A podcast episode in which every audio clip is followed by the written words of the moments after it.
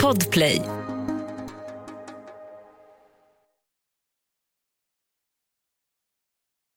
Redan nu kan du lyssna på samtliga avsnitt från den här säsongen på plattformen Podplay. 13 september 2016, Ohio. En kvinna ringer in till polisen. Hon viskar och berättar att hon blivit kidnappad. Kidnappad av en man vid namn Sean Great. Kvinnan ligger i en säng bredvid sin kidnappare. Han sover. Hon vågar inte resa sig upp. Hon är rädd att han ska vakna. Med tiden ska det visa sig att Sean gjort sig skyldig till inte bara kidnappningen. Ett flertal mord kommer snart kunna kopplas till denna man. Du lyssnar på Jakten på mördaren med mig, Saga Springhorn. Jag vill varna för grovt innehåll i dagens poddavsnitt. Ja, hörni, ni ska få ta del av ett väldigt skrämmande och obehagligt fall idag. Och Det jag vill säga innan vi går vidare är att den här kvinnan som ringer in till polisen, hennes uppgifter är sekretessbelagda så det finns inte så mycket information om henne. I medierna har hon kallats för Jane och det är så jag kommer att namnge henne i dagens avsnitt. Och ni ska nu få lyssna lite på delar från samtalet som kommer in till larmcentralen den där natten 13 september. Och jag rekommenderar att ni lyssnar i en tyst miljö då ljudupptagningen är lite sisådär.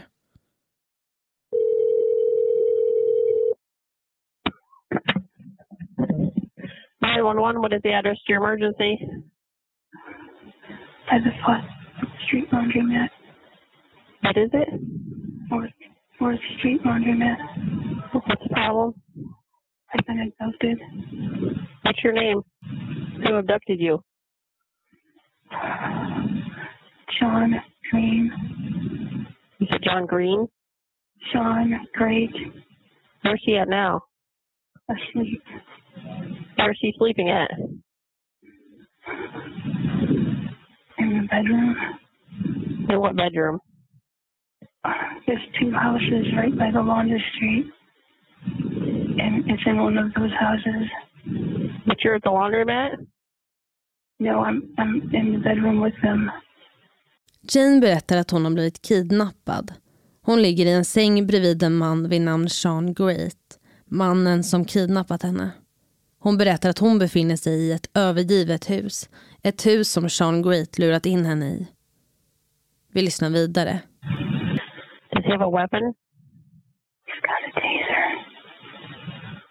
Are you injured? A little. Okay, stay in the home with me. Is he still sleeping? Yes. Is there any way you can get out of the building? I don't know without waking him and I'm scared. Is there a bathroom in the, the house? Well, his bedroom is closed and he made it so it would make noise. And if you told him you had to go to the bathroom, he would do something to you? Yeah, because he had me tied up. Are you tied up now? Well, I. Yeah, but I kind of freed myself. Jane berättar att mannen har en taser. Ett elpistolliknande vapen. Hon berättar att hon inte får gå till badrummet. Det har Sean satt stopp för. Dels har han bundit fast henne till sängen. Men hon har visserligen lyckats ta sig loss. Men han har också sagt till Jane att om hon reser sig upp och försöker fly så har han sett till att det kommer låta. Han har lagt ut fällor. Ljudfällor. Under det här larmsamtalet så händer plötsligt något. Vi lyssnar. Are you bleeding from anywhere? Not anymore. Where were you bleeding from? You don't have to talk if you don't need to, okay? Oh, shit. Oh, shit. I woke him up. Just set the phone down.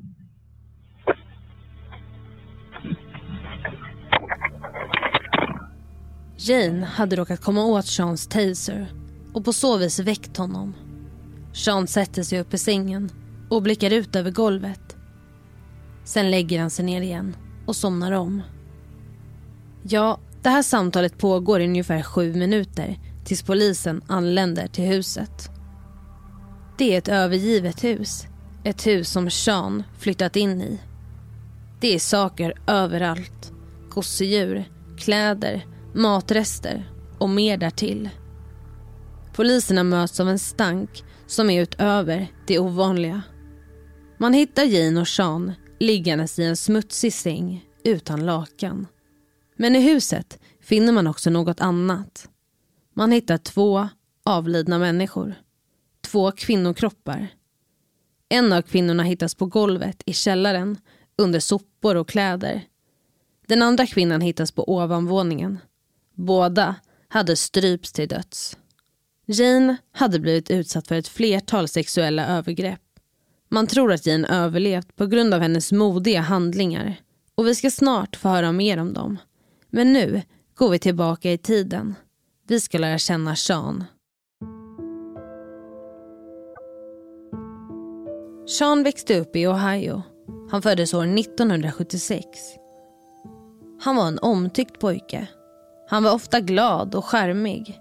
Åtminstone utåt sett. Några veckor efter att han fyllt 18 år greps han för att ha misshandlat sin dåvarande flickvän. Mamman till ett av hans barn. År 1999 grips han ytterligare en gång. Han ska då ha försökt kväva den kvinnan som han fått sitt andra barn med. Han hade också hotat henne med en slaktkniv när hon försökt lämna hemmet. 2011 träffar Sean Amber. De träffas i en kyrka. Senare gifter de sig, men äktenskapet blev kortvarigt. De skilde sig redan efter ett år och Amber hade då skickat in ett skyddsbeslut mot Sean. Sean har beskrivits som en väldigt snygg man och charmig. På så vis var det många kvinnor som föll för honom. De kände en tillit. Seans mamma har sagt följande till pressen. Ja, han är snygg, men djävulen är snygg också. Han har inga röda horn och allt det där. Du upptäcker att han är charmig och naturligtvis kan den charmen charma byxorna av vem som helst. Sean har tre barn ihop med tre olika kvinnor. Enligt en av hans exfruar var han obehaglig att leva med. Han kunde säga saker som fick henne att må dåligt nästan varje dag. Bland annat ska han ha sagt om inte jag får träffa min dotter så får ingen det. Sean träffade ett flertal kvinnor. En av dem var Kristina. Inledningsvis hade de kul ihop och allt gick bra. Men med tiden fick Kristina se andra sidor. Sean var kontrollerande och våldsam mot henne. Vid ett tillfälle misshandlade Sean Kristina. Han slog henne upprepade gånger i ansiktet och satte sina händer runt hennes hals. Kristina anmälde Sean och Sean fick vidare spendera några månaders tid i fängelset. Efter sin fängelsevistelse fortsatte Sean att träffa kvinnor. Han blev tillsammans med några av dem, dejtade några och hade sexuella relationer till några andra. Kvinnorna var hans möjlighet. Han behövde inte något arbete. Han kunde förlita sig på just kvinnorna och deras ekonomi. Och vi stannar upp där för jag tänker att jag ska briefa er lite om Sean och Jane. Där den här historien faktiskt börjar. De träffas alltså på ett samhällsservicecenter där de båda är volontärer för Frälsningsarmén vissa dagar. Och eh, de börjar liksom skapa en relation där. De hade lärt känna varandra ungefär två månader innan Jane då blev kidnappad. De hade gått eh, promenader tillsammans, ätit lunch och spelat tennis. Och Jane såg honom lite som en storebror. Han var äldre än henne men hon litade på honom och såg honom som en förebild. Och det är en söndagskväll som Sean lurar med sig Jane till sitt hem. Eller det är ju inte hans hem utan det här är ett övergivet hus som han har flyttat in i helt enkelt. Sean säger att han har kläder att ge till Jane. Så Jane följer med till det här hemmet då som Sean har flyttat in i. Hon sätter sig i soffan och läser lite i bibeln medan Sean går in i köket. Och när han kommer tillbaka då är han helt förändrad. Sean är plötsligt aggressiv och börjar slå och våldta Jane. Sean däremot berättade senare förhör att det varit så att han och Jane planerat att gifta sig Och nu när de då kommit till det här huset så säger Jane att nej hon vill inte gifta sig. Och då blir han jättearg och börjar slå henne. Och Jane hon fightas tillbaka men hon har beskrivit det som att allt hon gjorde det spelade liksom ingen roll för han var så himla stark. Och det som händer därefter är att Sean stryper Jane och binder sedan fast henne intill sängen och våldtar henne gång på gång på gång. Och jag tänker att vi ska lyssna på delar från inspelningen av första förhöret med Sean. Och här blir det ganska amerikanskt för dels så tar man bort Janes namn, vilket är förståeligt då det är sekretessbelagt, men man har också tagit bort ordet sex. Och det kan vara bra att ta med sig för de säger sex ganska många gånger. Men eh, vi lyssnar. With their fight and everything made up. After you punched her? Yeah. Okay. Now, you know, we talked about honesty earlier. Okay. I mean, she's saying that she didn't want to have that you punched her She may not have wanted to have like afterwards. after what? After I hit her. How many times did you have? Um it ended up being a few times within twenty four hours. Mm-hmm. Now she's saying that she's been with you since Sunday. Do you know what today is? Monday. Today's Tuesday. Okay, today's Tuesday. So you, if you thought it was Sunday evening. Okay, so we're talking over 24 hours under you've been with her, right? Um, she's saying you tied her down to a bed. I mean, what's the deal with all the straps on the mattresses? I did tie her down. I abducted her. You abducted her. Yes. Explain that. On her games trying to get down to if she's gonna marry me or not. So you just held her there because you wanted to find out if she was going to marry you. a lot of questions and stuff, and yeah, it's very nightmare. Couldn't Yeah. imagine her. You just wanted to make sure she didn't get away because you wanted her. No, What? I Explain. just wanted her to relax, spend some time with me. Well, it's kind of hard for somebody to relax if you're tying them down, don't you think? Yeah, Okej, så Sean säger att han och Jane blir sams efter att de har bråkat och att de därefter har sex. Men förhörsledaren ifrågasätter det här och undrar varför han då bundit fast Jane vid sängen. För han tycker att det låter lite underligt att Jane frivilligt skulle gått med på det under de omständigheterna som varit. Och Sean erkänner väldigt tidigt in i det här förhöret att han har kidnappat Jane. Sen så pratar han lite runt det och berättar lite om omständigheterna som är ganska tveksamma. Och innan vi går vidare nu så ska jag bara berätta lite om hur Jane tar det här modet till sig att ringa till larmcentralen. Det är nämligen så att hon märker att Sean sover väldigt djupt. Hans mobil ligger bredvid honom i sängen och bredvid Jane för de ligger ju i samma säng. Och plötsligt så ringer den här telefonen. Men Sean vaknar inte av ringsignalen. Och där och då tänker Jane att om han inte vaknar av det här då måste jag ändå kunna ringa till larmcentralen utan att han vaknar. Och det gör hon och det blir hennes räddning. Vi går vidare. Sean blir mer och mer bekväm i förhörsstolen. Han börjar prata om andra brott. Han kan inte sluta. Det är som att han har ett behov av att låta sanningen komma fram. Han berättar om kvinnor som han tagit livet av. Bland annat kvinnorna som hittades i huset. 2007 hittades en kropp i Marion County, Ohio. Kvinnans identitet var okänd i 12 år och först nu när Sean berättade kunde man utreda fallet mer ingående. Han berättar att det varit hans första offer. Sean säger att han tror att kvinnan hette Dana. Och först år 2019, med bättre DNA-teknik, kunde man identifiera henne som just Dana Lovray som varit 23 år gammal då hon mist sitt liv. Kvinnan var en dörr-till-dörr tidningsförsäljare och en dag 2005 knackade hon på dörren till Seans familjehem. Sean bodde fortfarande hos sin mamma som köpte en prenumeration. Men av någon anledning kom inte tidningarna fram. Och när Sean ser den här kvinnan på stan så säger han till henne. Tidningarna kommer inte fram trots att mamma har en prenumeration. Sean säger att han kan köpa ett nytt abonnemang av kvinnan. Detta för att locka bort henne från folkmassorna. Till medierna säger Sean följande. Jag ströp alla utom Dana. Jag kvävde henne i panik och sen stack jag en kniv i hennes hals. Därefter gömde han hennes kropp. Sean fortsätter att berätta.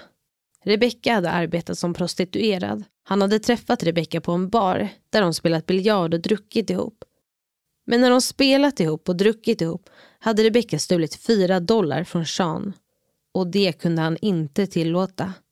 Han hämnades genom att strypa henne till döds. Man hittade Rebeccas kropp 2015 och efter en utredning konstaterade man att Rebecca dött till följd av en överdos. Men riktigt så var det ju inte och det kunde man kartlägga ganska snart efter att Sean berättat vad som egentligen hänt. Sean berättar också om en annan kropp, en kropp tillhörandes Candice, en tjej som Sean varit tillsammans med. Kroppen hade inte hittats, men nu kunde Sean peka ut platsen. Kroppen var begravd i en grundgrav intill ett utbränt hus. Och Sean fortsätter. 2016, den 16 augusti, bara några veckor innan Jane ringer in till polisen så försvinner plötsligt Elizabeth Griffiths från en parkering. Hon hade handlat på Walmart för tiden innan. Sen var hon bara försvunnen. Spårlöst försvunnen. Det var givetvis Sean som låg bakom hennes död och försvinnande. Och Elisabeths kropp hittas i det övergivna huset. 8 september, bara några dagar innan kidnappningen av Jane, försvinner 43-åriga Stacy Hick. Stacy hade fått punktering på ett av sina däck och hade därför stannat vid en bensinstation. Stacy ringer till sin syster för att få hjälp. Men när systern och Stacy samtalar med varandra hörs plötsligt en man i bakgrunden. Han säger att han kan hjälpa Stacy. Stacy tackade i sin tur ja till mannens erbjudande. Men dagen efter får ingen tag på Stacy.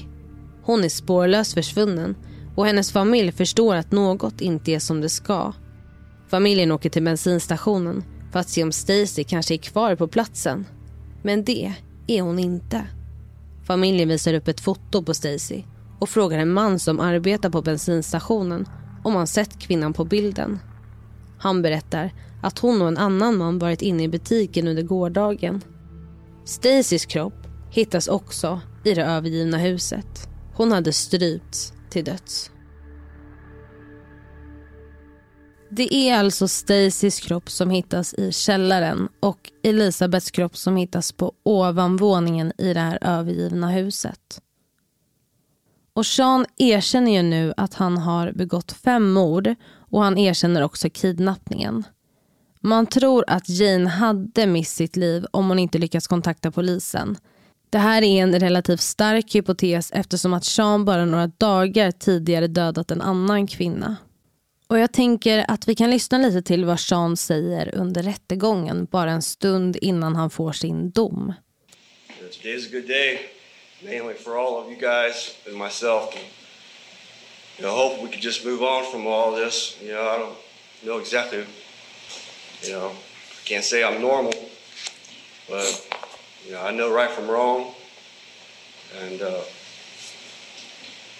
mainly just the if I cause any hate, bitterness, and then all of any of you, you can work on that. I ask you maybe forgive me. Find your heart someday, I know not today, someday. And just move on from this life.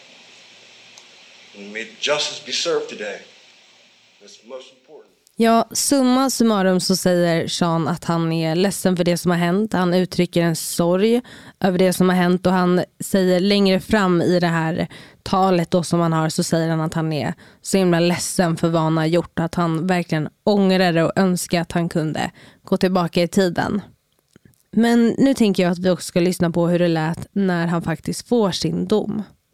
Court therefore finds uh, that a sentence of death by legal injection shall be imposed upon Mr. Great for the aggravated murder of Elizabeth Griffith as stated in count one of the indictment.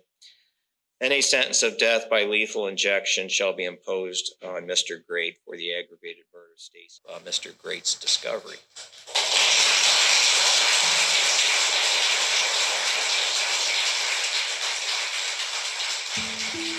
Ja, det är alltså jubel vi hör i rättssalen. Sean döms för att ha dödat Stacy, 43, och Elisabeth, 29. Han döms också för kidnappningen. Och han döms till dödsstraff. Och just nu är det bestämt att hans avrättning ska ske 2025. Det var allt för dagens avsnitt. Och det här var också det sista avsnittet för den här säsongen.